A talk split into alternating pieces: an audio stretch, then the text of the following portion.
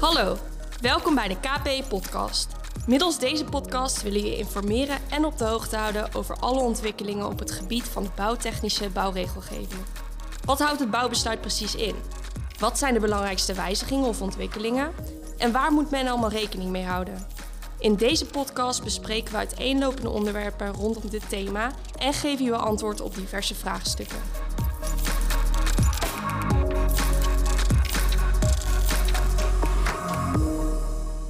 Mijn naam is Ron Koenen, directeur KPE Groep. En naast mij zit Roel Gijs, directeur GBB en expert op het gebied van bouwtechnische bouwregelgeving.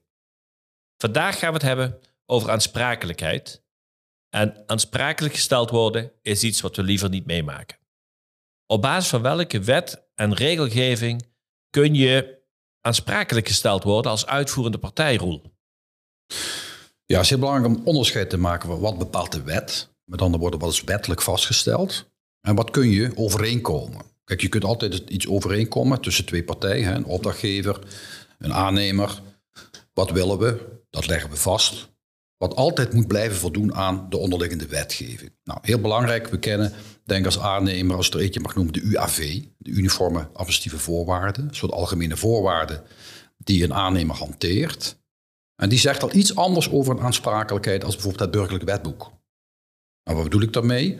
Als ik een UAV hanteer en ik onderteken dat, dan staat erin dat bijvoorbeeld de aansprakelijkheid van een aannemer ergens ophoudt. Die houdt op op het moment dat een opdrachtgever tijdens de uitvoering of na oplevering, tijdens de oplevering, die bouwfout had kunnen constateren, had kunnen zien. Het burgerlijk wetboek beperkt dat tot bij oplevering had kunnen zien. Dus zo is het nu geregeld. Anders Waar houdt die aansprakelijkheid op?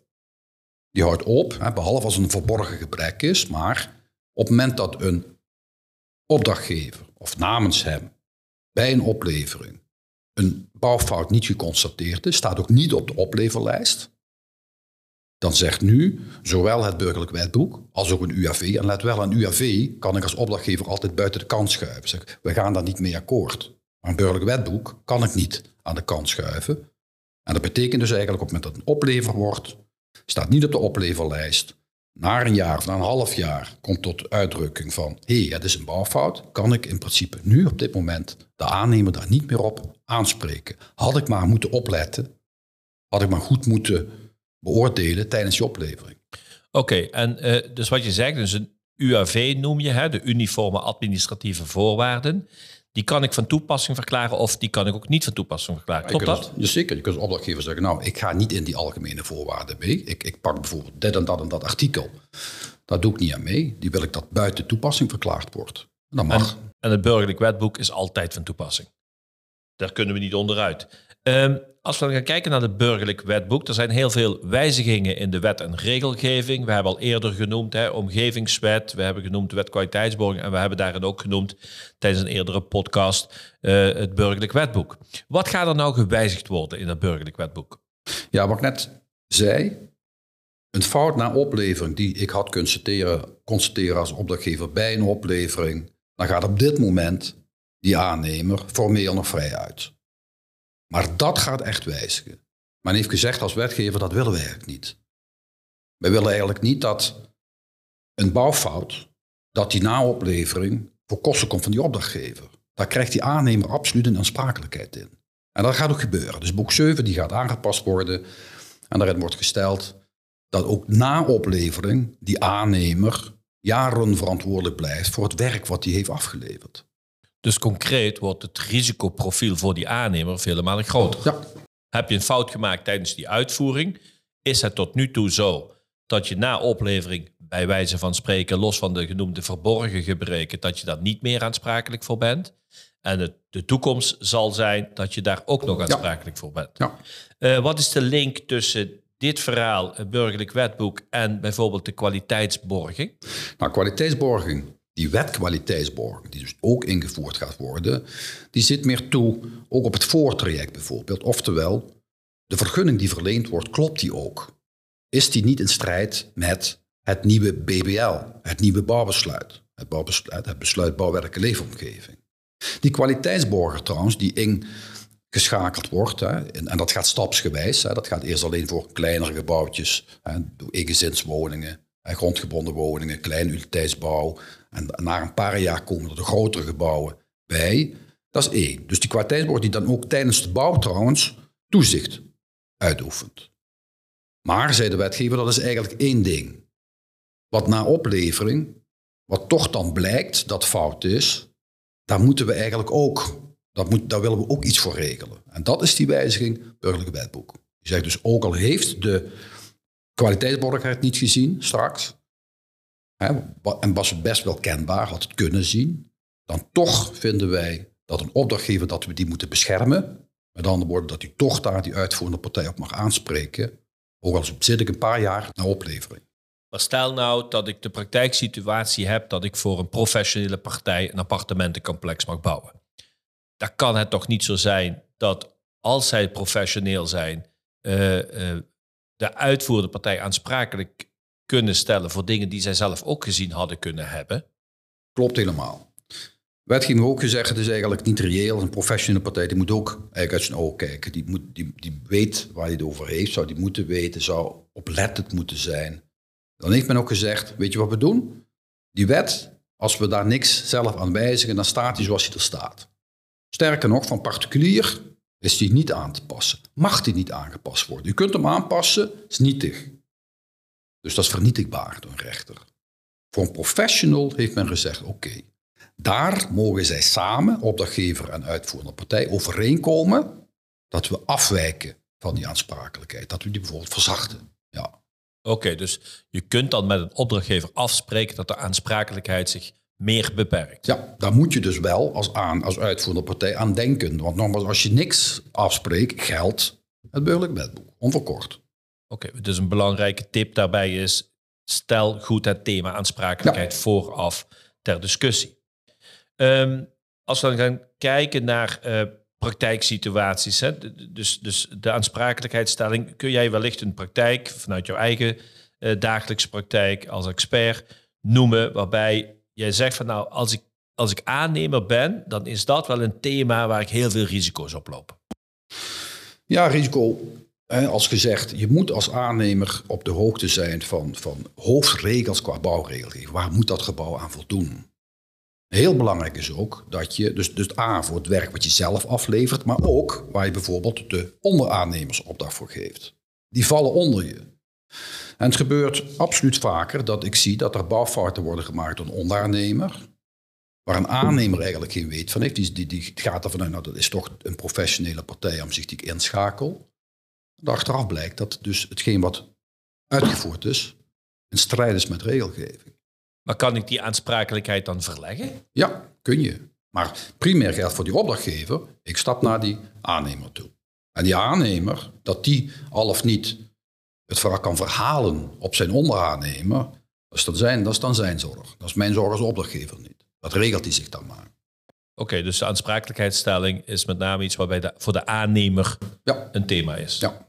Um, wat eigenlijk een beetje ontbreekt in het verhaal, wat je weergeeft, is de ontwerpende partij. Welke verantwoordelijkheid, oftewel waar kan ik hen voor aansprakelijk stellen? Stel, een ontwerpende partij maakt een daadwerkelijke ontwerpfout.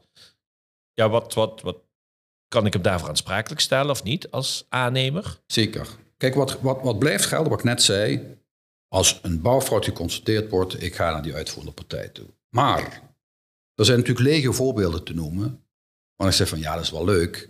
Maar bijvoorbeeld, ik pak een constructieberekening. En ik pak even, ik pak hier in, in de stad Maastricht, waar we nu zitten, pak ik een gebouw wat een paar jaar geleden speelde. Toen bleek in één keer dat de constructie, het begon echt te kraken. Oftewel, tijdens de bouw bleek, verrek, er is sprake van een constructieve fout. En dan is de vraag, kan ik daar nu, kun je mij nu als aannemer erop aanspreken? Want ik heb dat niet ontworpen. Het was een constructeur die dat heeft gemaakt. En hetzelfde kun je je bedenken bij een architect die iets verzint, een bepaalde detaillering, wat achteraf blijft te lekken. Zeg, ja, ik, ik, heb die, ik heb het niet verzonnen. Het is een ontwerpfout. Nou, wat is daar nou heel belangrijk bij? Kan ik nu die schuld echt leggen bij die ontwerpende partij?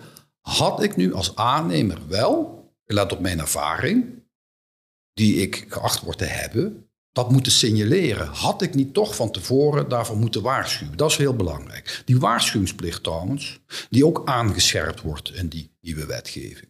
Dus het is heel belangrijk als we zeggen, even terug naar die constructiefout.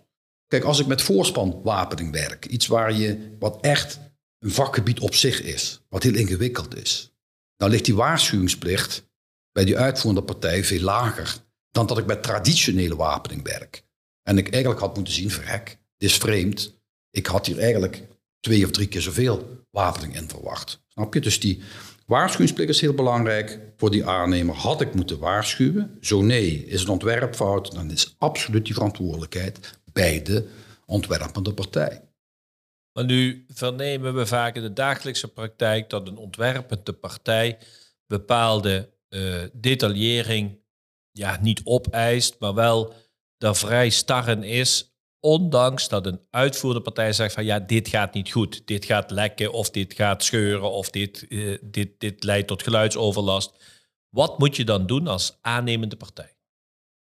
En die waarschuwingsplicht, en dat zei ik net, die wordt aangescherpt doordat stel nu die nieuwe, die wijzing van dat boek 7, die zegt zelfs, u moet schriftelijk waarschuwen. U mag niet zeggen, ja, maar ik had u gewaarschuwd. Ik heb u daarover gebeld. Nee, men verlangt zelfs standaard, u gaat schriftelijk waarschuwen.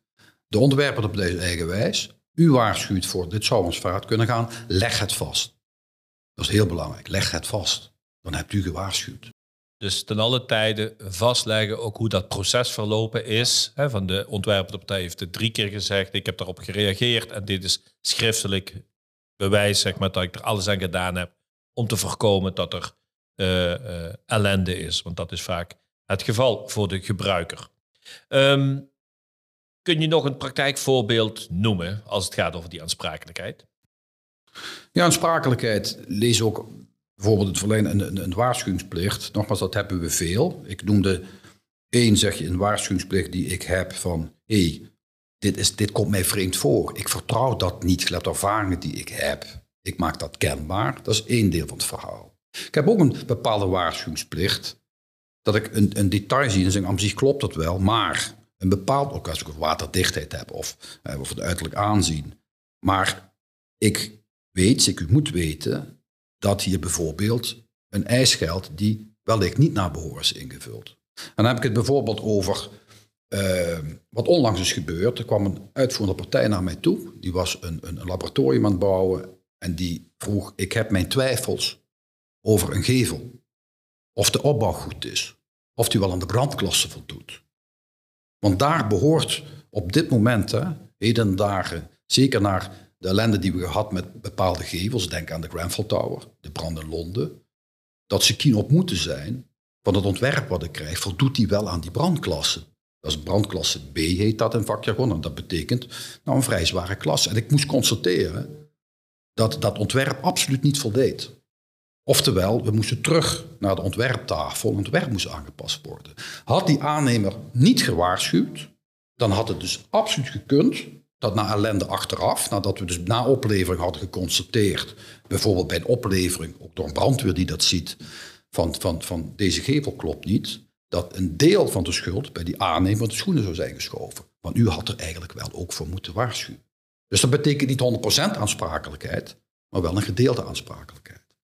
Maar mag ik dan concluderen dat met name het, het, het, het, eh, kennisniveau maatgevend is om de risico's voor de uitvoerende partij, partijen te beperken? Dus als je meer kennis hebt over dat thema aansprakelijkheid, het voorbeeld wat zojuist genoemd is, hè, aansprakelijkheid wordt toch een, veranderd. In die zin, tot nu toe, even heel eenvoudig samengevat, is dat tot, hè, tot en met oplevering bij aansprakelijk. En die aansprakelijkheid wordt nu verlengd, hè, wordt nu langer, sowieso voor die uitvoerende partij, is het dus van belang om tijdens het proces waar, waar je betrokken bent bij het realiseren van bouwwerken, vooral ook dit thema telkens eventjes weer naar boven te halen. Ja, ja de wijzigende wetgeving stuurt dus op aan, we willen een kwaliteitsslag hebben, we willen kwaliteitsverbetering hebben. En de kennis van de uitvoerende partij speelt daar terdege een rol mee. Vandaar die aanscherping van die waarschuwingsplicht. Vandaar die aansprakelijkheid naar oplevering. En dat betekent eigenlijk, kan niet anders betekenen, dat die aannemer absoluut moet weten, wat ben ik aan het uitvoeren, wat ga ik uitvoeren. En ook op hoofdlijnen wetenschap moet hebben van de regelgeving die daar aan ten grondslag ligt. aan de hand van dit voorbeeld, dat is voor mij dan in ieder geval duidelijk. Maar heb je misschien nog een praktijkvoorbeeld waarbij het gaat over die kennis en kunde, het belang daarvan? Ja, uh, ja, genoeg. Ik noem een voorbeeld wat ook onlangs gebeurt. Dus je zei, regelgeving wijzigt constant. Maar ook regelgeving die absoluut grote consequenties heeft voor een gebouw. Uh, zo kwam ik laatst een gebouw tegen waar men mij vroeg, voldoet dit? Kijk er eens vanuit brandveiligheid bijvoorbeeld. Dan heb ik moet, het plan moeten terugverwijzen. Nee, het klopt niet. Ik mis die regelgeving die in juli vorig jaar is ingevoerd, voor betreft de rookwerende scheidingen. De zelfsluitende deuren van, van, van woningen, niet alleen zelf sluiten, maar voorzien ook van vrijloop deurdrangers. Dus gestuurd door rookdetectie. Nou, dat was blijkbaar dat de uitvoerende partij had, wist niet dat 1 juli die regelgeving veranderd was. Daar is een aannemer op gaan calculeren. En wat bleek achteraf? Het huiswerk moet over met een verschil van een aantal tonnen. Dat scheelt echt 5, 6 ton op één gebouw, wat zelfs dus de hele doorgang van het gebouw eh, op, op de helling zette.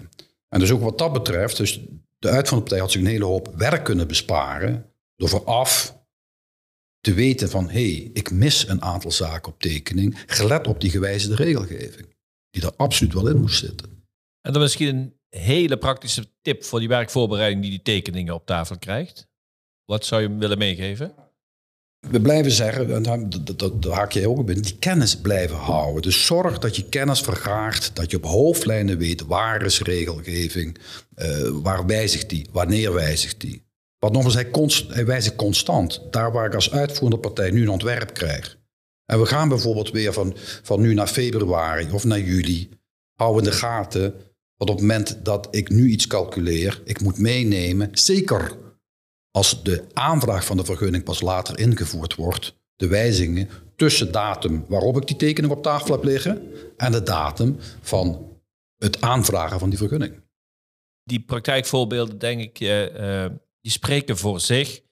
Alhoewel de complexiteit natuurlijk uh, best wel groot is als het gaat over hoe kan ik er nou heel concreet voor zorgen, bij welk project dan ook, dat mijn aansprakelijkheid in ieder geval helder is. Waarvoor ben ik aansprakelijk? Wat kunnen andere partijen van mij verwachten en hoe moet ik dat allemaal inregelen? Dankjewel voor het delen van je kennis.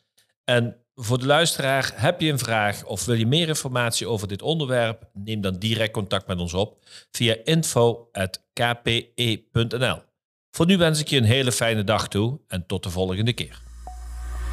Dit was hem weer voor vandaag. Heb jij een vraag of wil je meer informatie over dit onderwerp? Neem dan direct contact met ons op via info.kpe.nl. Voor nu wens ik je nog een fijne dag en tot de volgende aflevering.